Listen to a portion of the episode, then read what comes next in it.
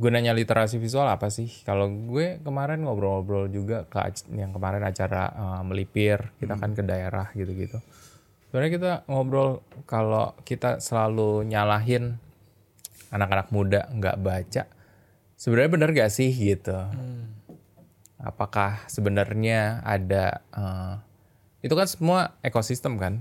Gimana kalau uh, si orang-orang yang nggak baca berarti kan ada yang salah di tempat lain gitu. Nggak ny- nggak melulu nyalahin oh lu orang Indonesia nggak baca gitu. ya kalau uh, nggak ada yang menarik untuk dibaca ya mereka mana mau baca ya nggak sih? Pasti lebih lebih suka scrolling atau TikTok gitu-gitu kan untuk ya udah gue ini aja deh gue baca eh, apa kalau mulai langsung ke buku-buku yang berat novel gitu males banget tulisan semua nggak nggak menarik gitu kan Gitu. jadi kita ngelihatnya sebenarnya eh, ada cara nggak ya untuk kita nge-bridging itu This is Freudian Podcast. Look yourself and contemplating to the core. Take a seat, cause now you're listening to Freudian Podcast, babe.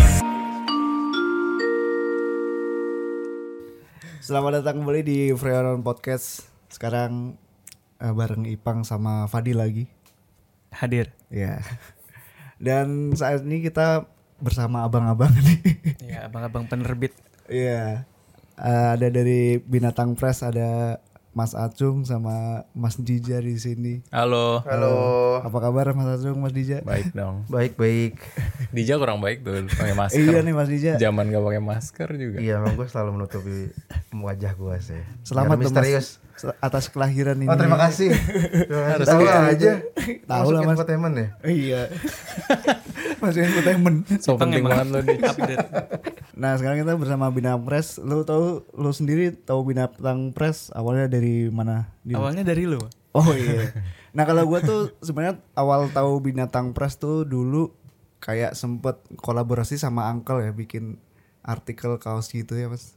Oh iya, zin-zin kita Iya. dijadiin dikolaborasiin Iya. jadi merchandise ya. Terus habis itu makin tahu lagi karena nerbitin yang bareng bentang Jawa tuh kan gua Oh, rada goes? antusias. Iya. Serius lo? Iya. Oh, gitu. binatang apa bentang Jawa emang binatang pers itu suka kolaborasi gitu ya mas akhirnya tuh Se- sempet juga sama seni kanji kan Iya. iya Kemarin eh, terbitan yang terakhir. Yang terakhir banget emang Bentang Jawa sih. bentang Jawa ya itu bentang Jawa tahun yang dua Tahun tahun, lalu. lalu kan 2002. 2002 ya itu ya. 2002. Iya. Ini masih 2003 kan? Belum 2004. yang Mas Zaki terbaik ya Iya benar. itu eh, kalau yang itu sih karena teman-teman gue jujur yang, yang apa yang eh, panitianya yang bikin bentang Jawa itu teman-teman gue gue dulu dulu gue sering gue dalkot sama mereka sebelum eh, cyclist pandemi datang Oh, gitu. iya. Kenapa lo ketawa-tawa? Gue salah satu cyclist pandemi. Mas Dija juga se- sepedahan ya Udahan. Tapi males aja. Karena pandeminya udah selesai jadi udahan. Oh bener, jalanan udah mulai rame jadi dengan sepedaan lagi ya.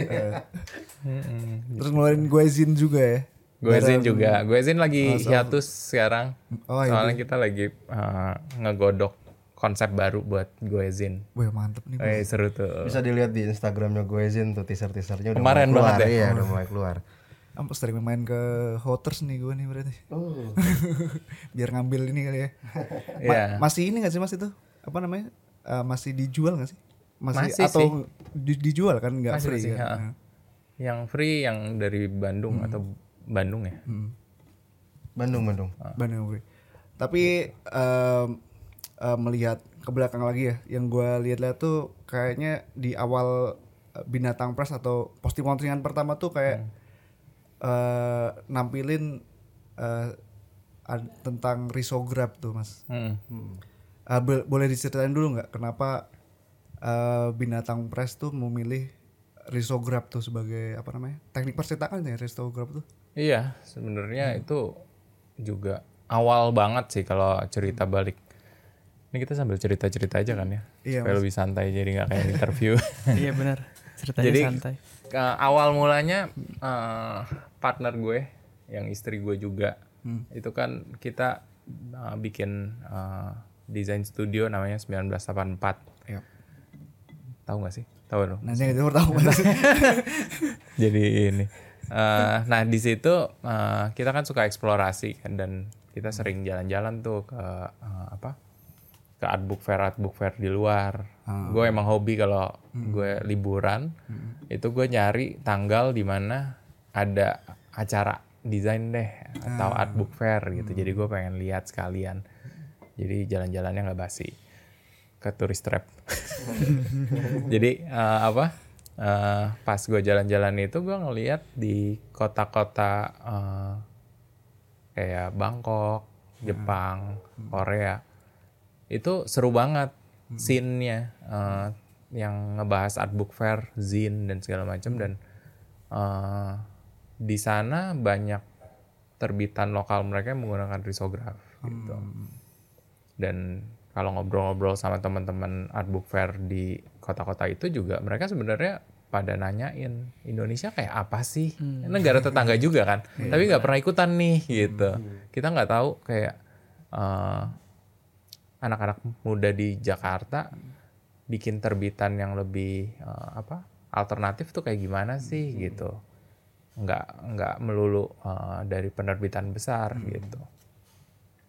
Nah kita juga bingung kan, oh ya siapa ya yang yang uh, bikin uh, zin atau buku-buku gitu, yang gue uh, pengalaman gue yang gue tahu banyak uh, nggak diterbitin secara komersil dan nggak kayaknya jarang ikutan di art book fair gitu. Nah dari situ gue mulai kepercik ide untuk oh gimana kalau kita bikin uh, sambil kita coba-coba uh, bikin-bikin uh, apa eksperimen di desain di editorial gitu-gitu. Uh, kita coba yuk uh, bawa riso ke sini gitu. Terus gue mulai research kan kayak riso di Jakarta sebenarnya ada nggak sih? Hmm, benar. Ternyata banyak Ternyata banyak. banyak banget. Ternyata pemerintah kita di tahun 90-an itu masukin banyak banget riso untuk ke sekolah-sekolah, sekolah-sekolah pertanian, eh, untuk nyetakin kayak eh, lembar ulangan. Oh, benar-benar. Terus kalau di gue sempat eh, beli, gue kan ngeja, jadi gue nyari eh, mesin yang yang second lah ya. Kalau yang barunya mahal soalnya. Sampai sekarang mahal. Kecuali ada yang mau funding kita, kita mau. kita beli yang baru. Jadi eh, waktu itu kita beli, ah gue beli second ah gitu. Oh cuman adanya satu warna hitam doang gitu. Emang nggak ada yang warna lain? Ya nggak ada orang dipakai buat ulangan. yang mana mungkin warna-warni gitu kan. Oh ya udah gue cari deh drumnya. Kalau lu lihat tadi kan drumnya rada gede-gede tuh. Dan ternyata pas gue cari di kota-kota di daerah banyak yang jual. Sekarang sih udah nggak ada. Mungkin udah diambilin orang. ada gue ke apa di dari Palu. Gue sempat ke Bali juga bawa-bawa drum yang dikira kayak bom. Dikira Serius, solar atau bensin. Itu kan angkat-angkat gitu kan. Terus Iya sih. masuk imigrasi langsung itu apa? Bongkar harus ngasih lihat oh ini tinta gitu-gitu.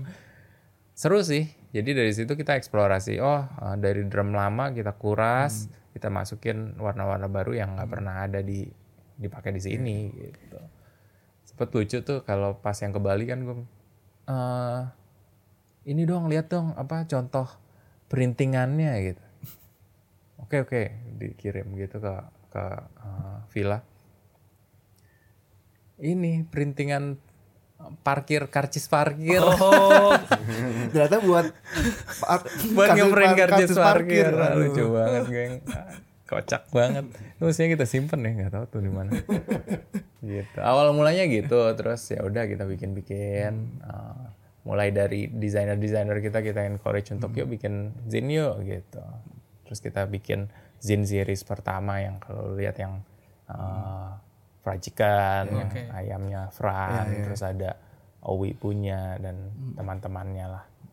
Gitu teman-temannya teman-teman desainernya yang yang kita jual.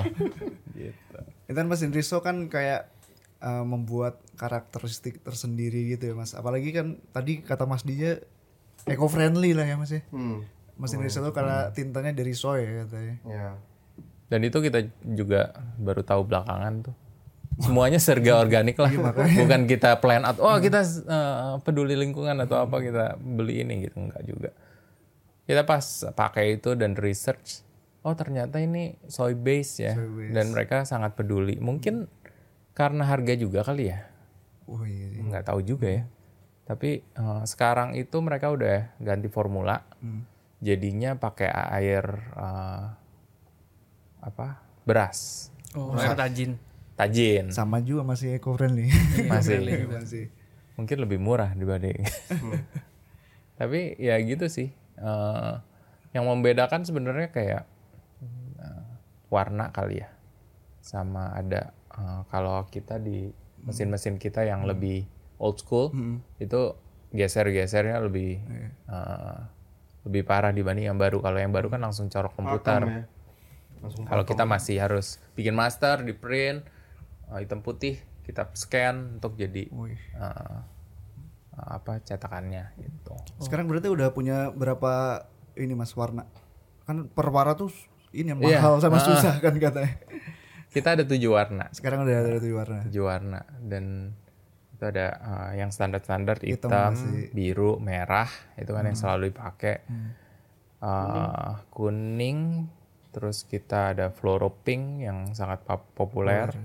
Terus ada eh, hijau. Terus yang terbaru itu Seafoam. seafoam green. Si foam green. Itu udah apa namanya? Tadi secara alat udah eco friendly. Kertas pun eco friendly nih katanya. Kalau kertas sebenarnya itu juga jadi apa ya curhatan gue sebagai desainer dulu ngelihat uh, percetakan di Indonesia kan kebanyakan kertasnya itu itu aja ya. Terus digital lagi digital lagi. Terus nggak ada eksplorasi kertas. Sementara kalau lu jalan-jalan, lu ke lihat flyer-flyer yang di jalanan ada uh, apa Sunday Market atau apa, itu kertasnya bagus. Iya sih. di Jepang gitu-gitu.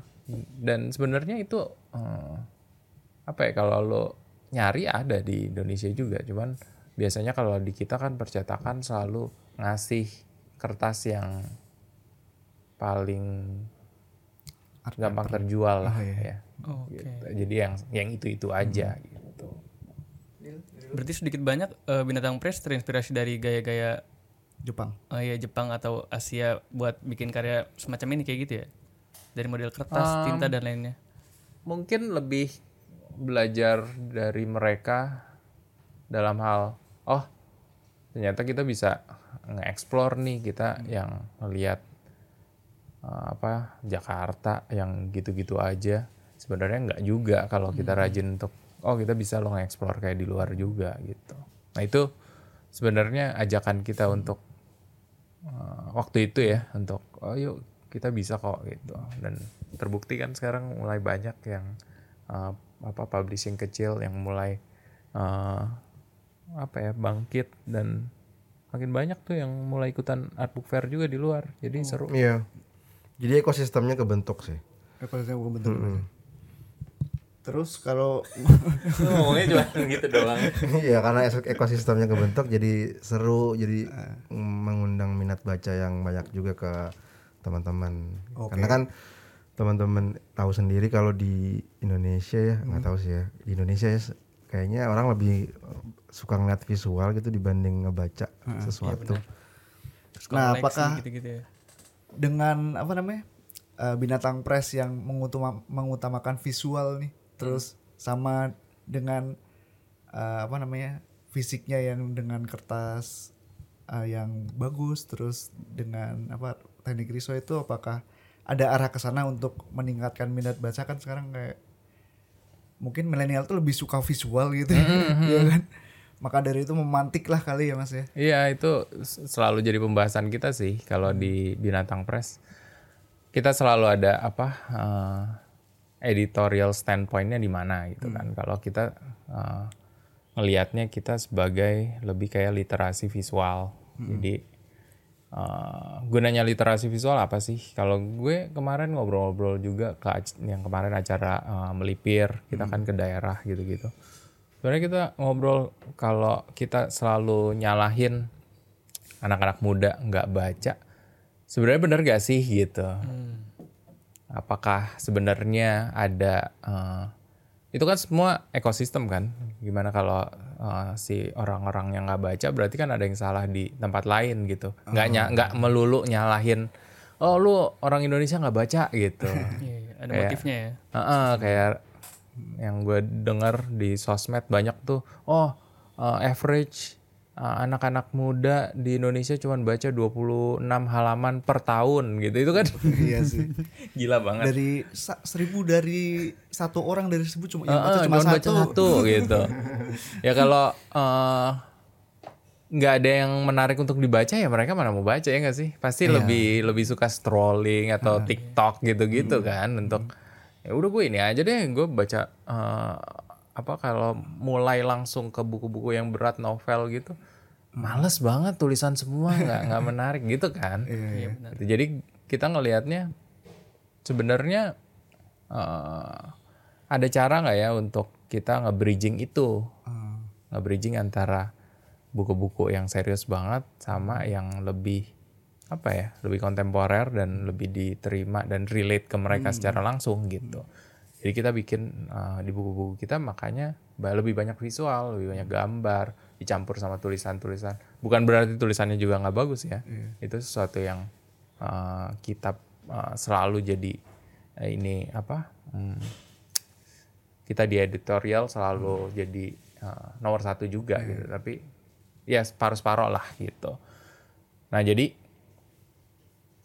eh, apa dengan begitu kita harapan kita sih lebih banyak anak muda yang jadi eh, apa ya jadi mulailah gitu. Iya, iya. kayak eh, apa ya kayak starternya gitu. Untuk mulai baca dan hopefully ke depannya dia mulai eh, wah enak ya baca ya seru gitu. Dan dia bisa nyari buku-buku lain yang lebih lebih literasinya lebih eh, padat gitu. Kalau pas di event-event gitu kan, event lokal nih mas. Anak-anak muda tuh banyak yang beli pas di event itu nggak? Seru kok banyak kok. Banyak Rame. juga kan. banyak banget. Kita eh, eh, akhir bulan ya ada Jakarta Book Fair ya? Akhir bulan ada Jakarta. Kalau yang di lokal tuh Jakarta Art Book Fair akhir bulan. Akhir bulan. Eh, ada juga Osaka. Ya usahakan kita Nah, diundang. terus, em, next eh, awal bulan ada di eh, Zinfest Jakarta Zinfest. Kita ikutan ngebantuin juga Dan kalau ngelihat dari yang tahun lalu eh, sambutannya bagus banget sih, rame gitu. Banyak yang mungkin eh, sebagian besar eh, anak-anak desain yang Iya. suka sama ya emang eh, itu jadi apa interest mereka kan. Tapi kalau kema- tahun lalu kita ngelihat banyak orang yang nggak bukan dari anak-anak desain juga datang ya banyak banyak untuk lihat-lihat terus beli mulai seru sih.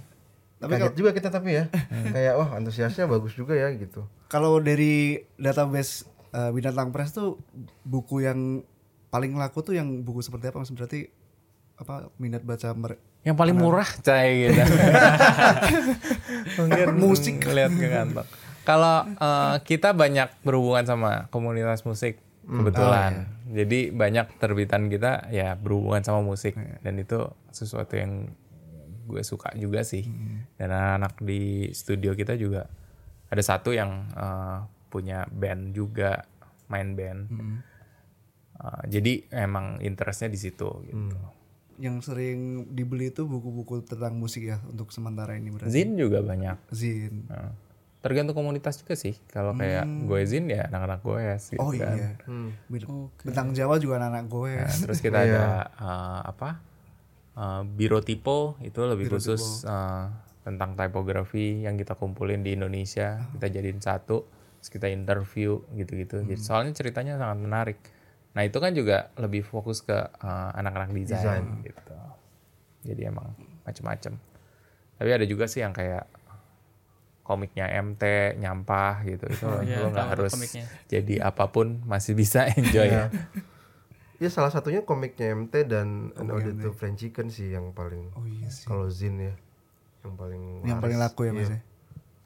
MT kan khas dia ya, pada Hmm. taring-taringnya ibu kota banget lah bobroknya gitu-gitu lah Terus kita ada buku-buku anak juga. Iya. Jadi emang ya kesebar ke beda-beda komunitas gitu.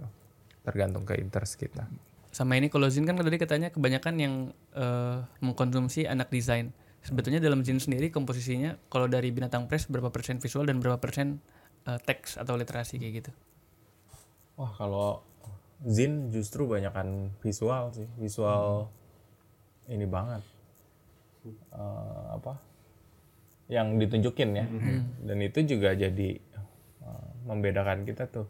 Dulu gue ingat banget pas eh, pertama kali awal-awal binatang press juga kita ikutan Bandung Zin Fest. Oke. Ya, coba ah gitu. Ke masuk ke eh, apa skena zin. Kayak apa sih di di apa di Indonesia gitu. Kebetulan yang ada di Bandung. Waktu itu yang eh, jalanin spasial ya? Eh bukan ya? Enggak bukan. Tempatnya di spasial. di spasial. Waktu itu kita ketemu Ardo di situ. Nah di situ eh, lumayan menarik tuh pas gue datang. Nah, kebanyakan kan yang eh, ya namanya juga zin dan eh, perkembangan zin di Indonesia ya. Kebanyakan kan yang lebih punk gitu kan lebih Iya sih. Fotokopi. hitam putih. hitam gitu. putih murah banget terus banyak curhatan-curhatan eh, pribadi dan sosial dan ke pemerintah dan segala macamnya lah ya Bahasanya unik-unik lagi. Ya, terus kayak wah galak banget nih hardcore. terus pas kita datang warna-warni gitu kan. Jadi beda beda sendiri. Pada saat itu juga eh, eh, nggak nggak kita doang sih yang main resort. Kebetulan eh, Mas siapa ya? Irwan eh Irfan. Irfan juga Irfan udah ikutan dari Bandung gitu. Itu juga wah kaget juga tuh kayak wah uh, mereka kaget ngelihat kita, kita juga kaget ngelihat acara itu kan. Kayak ternyata di apa di uh, acara Zin ada juga ya uh, eks- apa uh, eksplorasi visual dalam desain yang berwarna-warni gitu. Oke. Gitu. Dan itu kemarin pas kita mau coba uh, bantuin uh, Bronje uh, bikin uh, Jakarta Zin Fest kali ini di tahun ini. Sekalian promosi ini datang ya. nah itu juga ada pembahasan itu. Ternyata oh uh, sekarang udah mulai 50-50 nih. Ada yang uh, Warna-warni. ada yang warna-warni ada yang lebih konten uh, apa hardcore gitu-gitu. Dan kita jadiin itu pilihan lah gitu. Jadi kan lebih banyak variasi ya lebih seru. Sekarang mungkin ke uh, independent publisher kali ya Dil ya. Boleh. Penerbit indie. Penerbit indie. Sekarang kan kayak banyak banget tuh kayak penerbit indie temen gua pun kayak punya nih apa namanya penerbitan sendiri gitu mas.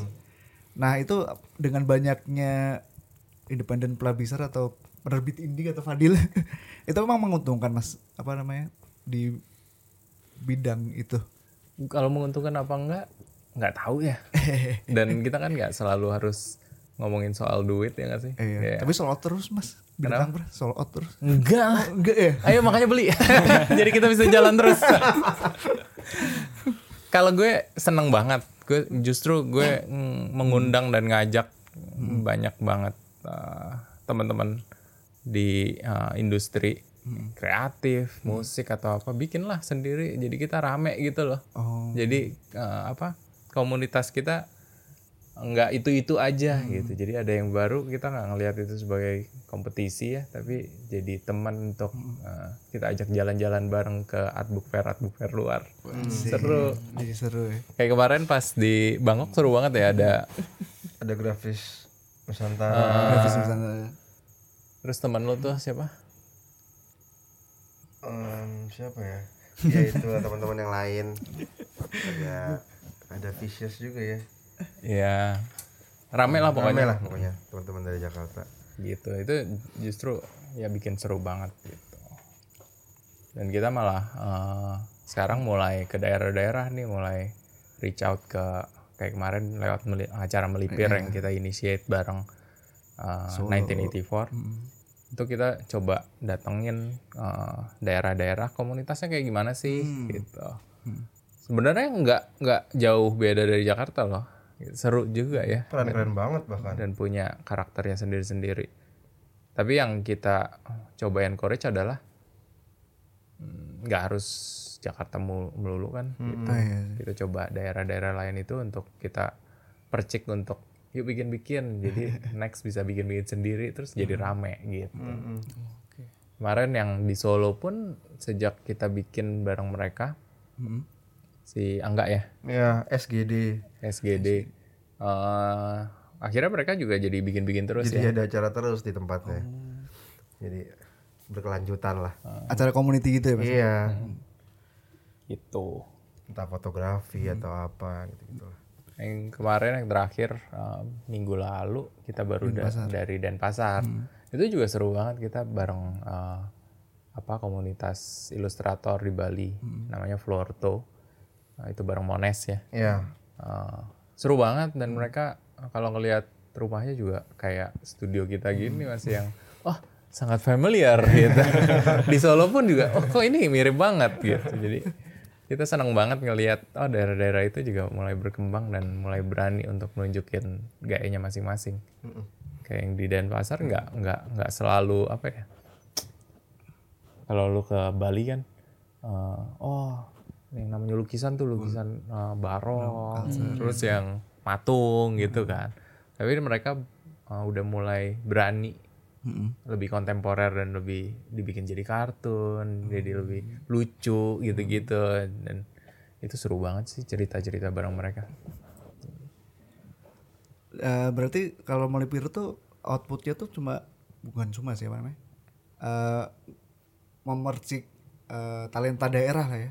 Iya. Bukan daerah, maksudnya di dan di kita luar saling berbagi. Jakarta gitu. Nah, Iya. Kita uh, bikin workshop-workshop juga yang uh, lo nggak bisa dapetin di kampus, yang lebih ke industri uh, apa ya standar industri di Jakarta bisa lo diterapin di daerah gitu kayak uh, apa berkorespondensi sama klien tuh gimana sih gitu.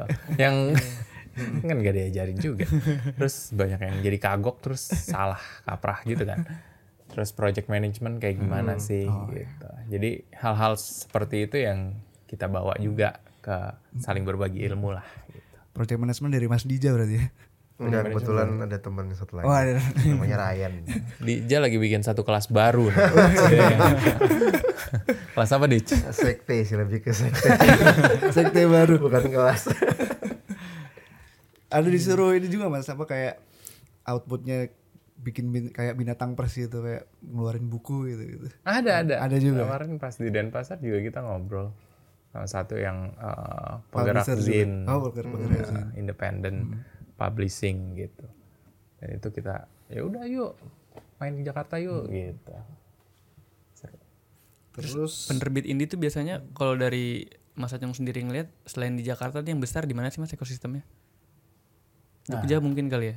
Jogja banyak. Oh, iya, terus Bandung gitu-gitu. Oke. Uh, di kemarin di mana? Di semua di semua kota besar di Jakarta sebenarnya eh, ada ada komunitas itu. Kayak di Aceh ada Aceh Zin Fest, di Makassar, di Palembang, Hmm. di Surabaya gitu. Mereka punya masing-masing punya. Gitu. Cuman memang kita yang di Jakarta nggak terlalu mendengar kali ya gitu. Ada yang Palu gitu-gitu ada. Mereka bergerak kok. Cuman emang nggak terlalu kedengeran. Nah, melipir tuh datang ke second city second city itu tuh buat biar oh ini gerakin nih gitu loh. apalagi kalau ada Zinfest kan kita tahu apa keresahan atau yang dirasakan Betul. anak-anak saat itu juga. Anak-anak muda. Terus kan eh, kembali balik lagi ke independent publisher ya mas. Kalau untuk eh, buku sendiri nih, buku seperti apa yang eh, apa ya layak untuk diterbitkan oleh binatang mungkin? Binatang Press. Iya. Um, kalau kita sistemnya ada dua, jadi satu yang kita dari tim editorial yang reach out, Dari jadi Mas ada Atung gimana? ah, dari gue dan ada beberapa editorial lain uh, pitchin ide kayak oh gue uh, pengen angkat ini nih gitu sesuai nggak sama topik di tahun ini gitu kalau sesuai ya kita reach out untuk ajak kerjasama gitu. Yang seni kanji itu gue yang reach out ke, eh, ke Julius waktu itu. Anaknya Mas ini. Heeh, terus ngobrol sama eh, Pak Supomo waktu itu. Eh, apa? Ngajak Pak Supomo untuk bikin buku juga lucu tuh ceritanya gitu kayak. Dia pemalu banget dan kan dia baru jadi apa ya dia nggak mau dibilang menjadi pelukis juga sih dia baru menekuni apa seni kanji kan udah umur tua kan Iya, iya. jadi dia selalu nggak pede gitu. Hah, gue bikin buku, kok gue kan bukan siapa-siapa gitu loh. Kan banyak orang dulu kan pikirannya kan kalau gue bukan siapa-siapa, emang ada yang mau baca gitu. harus jadi seniman gitu gitu Ah, harus jadi seniman kayak apa? Yang udah kenamaan baru dibukuin gitu kan masih pola pikirnya kayak gitu. Padahal kita mau ambil, justru kita mau ambil point of view. Waktu itu kita mau ambil point of view gimana sih bapak dan anak bisa bekerja bareng untuk bikin sesuatu yang menarik gitu yang jarang banget ada gitu. Tapi ada juga yang eh yang eh, propose ide, propose ide ke- eh, ke, ke Binatang kita Press. ke Binatang Press biasanya kita selalu mengundang sih kalau ada yang mau ayo sini gue liatin nanti kalau cocok sama topik eh, apa editorial standpoint kita tahun ini ya kita eh, bikin bareng gitu. Sudah udah ada tapi itu Mas yang dari luar pitch ke binatang. Felix salah satunya itu yang deg-deg plus. yang dia awalnya yang si bukunya White Shoes ya Oh, Iya, bukunya White Shoes di awalnya.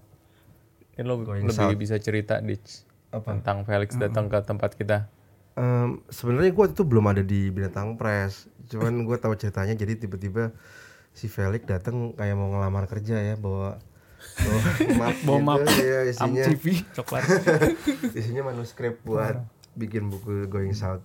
Dulu kita belum di sini lah, masih di eh, Radio Dalam ya. masih di dalam Masih di Radio Dalam. Selama itu ya? Selama lumayan lama tuh buku. Oh, selama itu kita kenal, kenal si Agan ya? Gitu habis habis itu berangkat dari si buku Going South itu si Felix akhirnya bikin buku keduanya dia eh, musik Jakarta. Masih ber- berhubungan musik karena kan dia penulis musik jadi Iya. bukunya nggak jauh-jauh lah dari situ. Terus habis itu kita sama Felix itu kerja sama lagi di ini um, Dek Dek Plus. Dek Dek tapi kalau di Dek Dek Plus si Felix sebagai editor.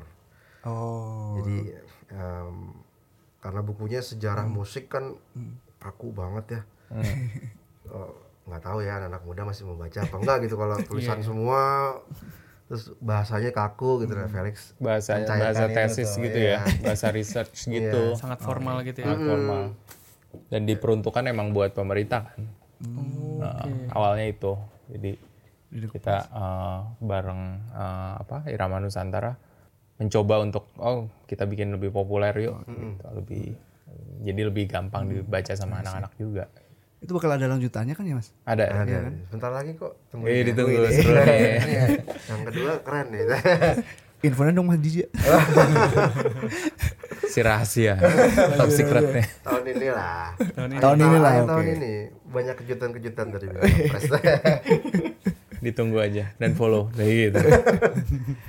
Terus tadi kan udah dapet nih apa namanya kayak penulis atau atau walaupun ataupun dari binatang press yang dapat prosesnya tuh lama gak sih mas dalam membuat sebuah buku? Aduh.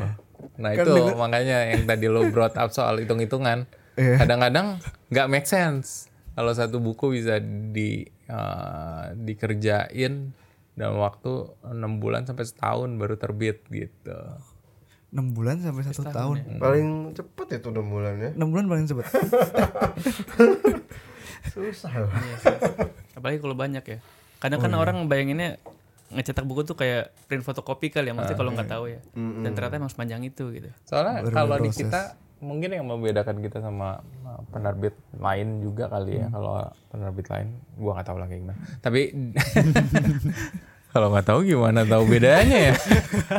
Sotoy banget. Nggak nggak.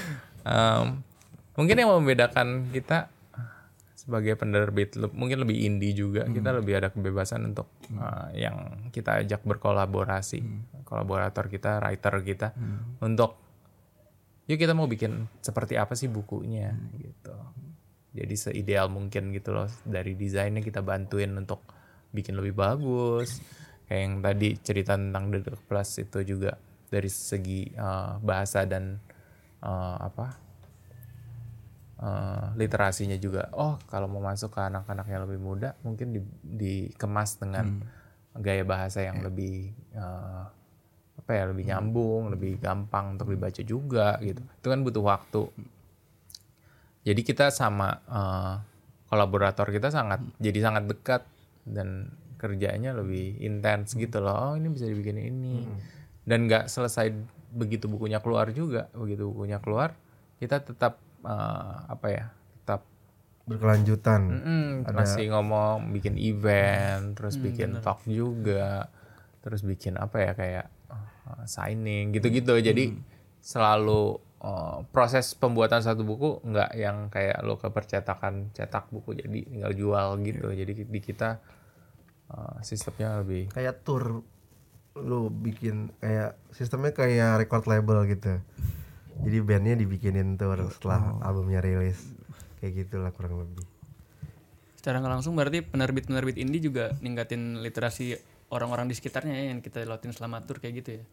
Karena kan bikin event-event dan lain-lain kayak gitu. ya. Hmm, hmm. at least buat mereka yang nggak pernah baca buku atau ini uh, benci banget sama buku oh ternyata ada buku yang kayak gini yang lebih mudah kalau uh, apa bahasanya uh, Agan Felix buku boker Hmm. Iya. Jadi lo lagi sambil boker Santai ya. bisa sambil baca santai gitu yang biasanya kalau dibawa sambil tidur terus baru baca satu dikit tiduran mungkin kalau boker bisa lebih serius dikit ya gitu sih Apa lagi Dil? Belum ya? Belum. Ah, Oke, mungkin eh, ini kayak bakal pembahasan terakhir ya. Tadi kan awal-awal Mas Atsung cerita kayak eh, keluar negeri bareng istri buat lihat art book fair gitu ya. Dan sempat denger juga di podcast yang bareng Karisa tuh bagi suara. oh iya Eh, binatang press itu mewajibkan setahun seenggaknya sekali ikutan art book fair atau datang ke art book fair. Hmm. Emang sepenting apa sih mas datang ke Um, art book fair atau sejenisnya kali ya? Iya.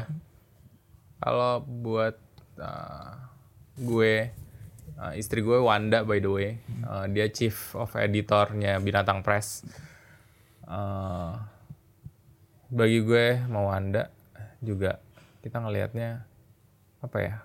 Penting untuk lo kebuka matanya untuk ngelihat di luar kayak apa daripada lo cuman Pinterest Pinterest mulu gitu.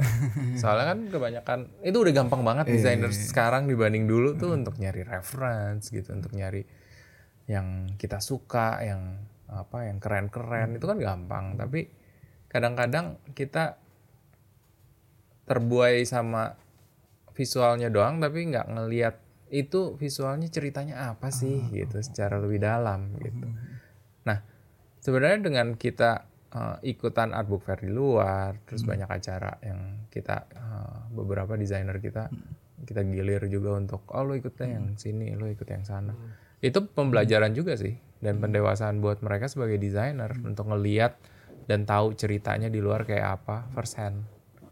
Soalnya itu penting banget gitu. Nggak nggak nggak nggak menggantikan apa yang lo lihat di layar monitor lo doang gitu Lebih, tahu apa namanya arti dari yang kayak tadi itu ya.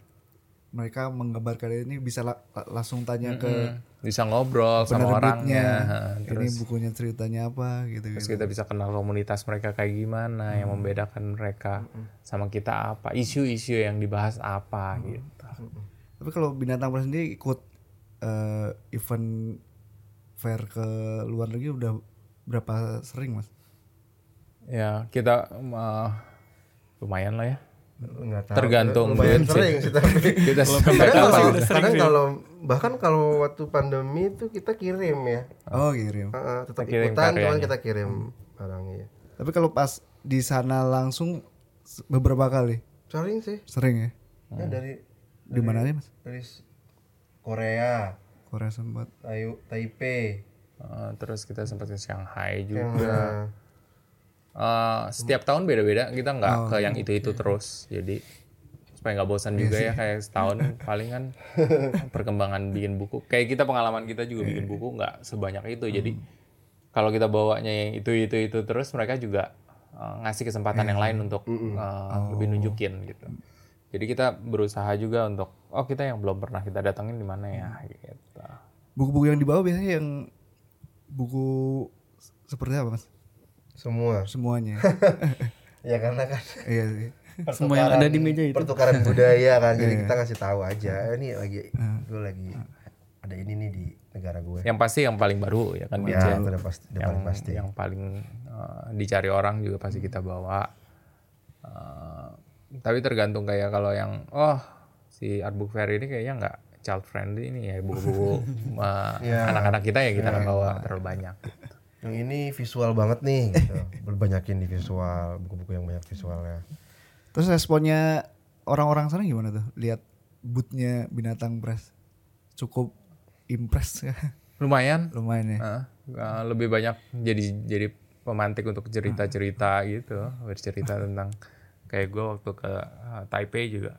Oh di Taipei ini eh, orang-orangnya visual banget dan sukanya visualnya yang aneh-aneh gitu.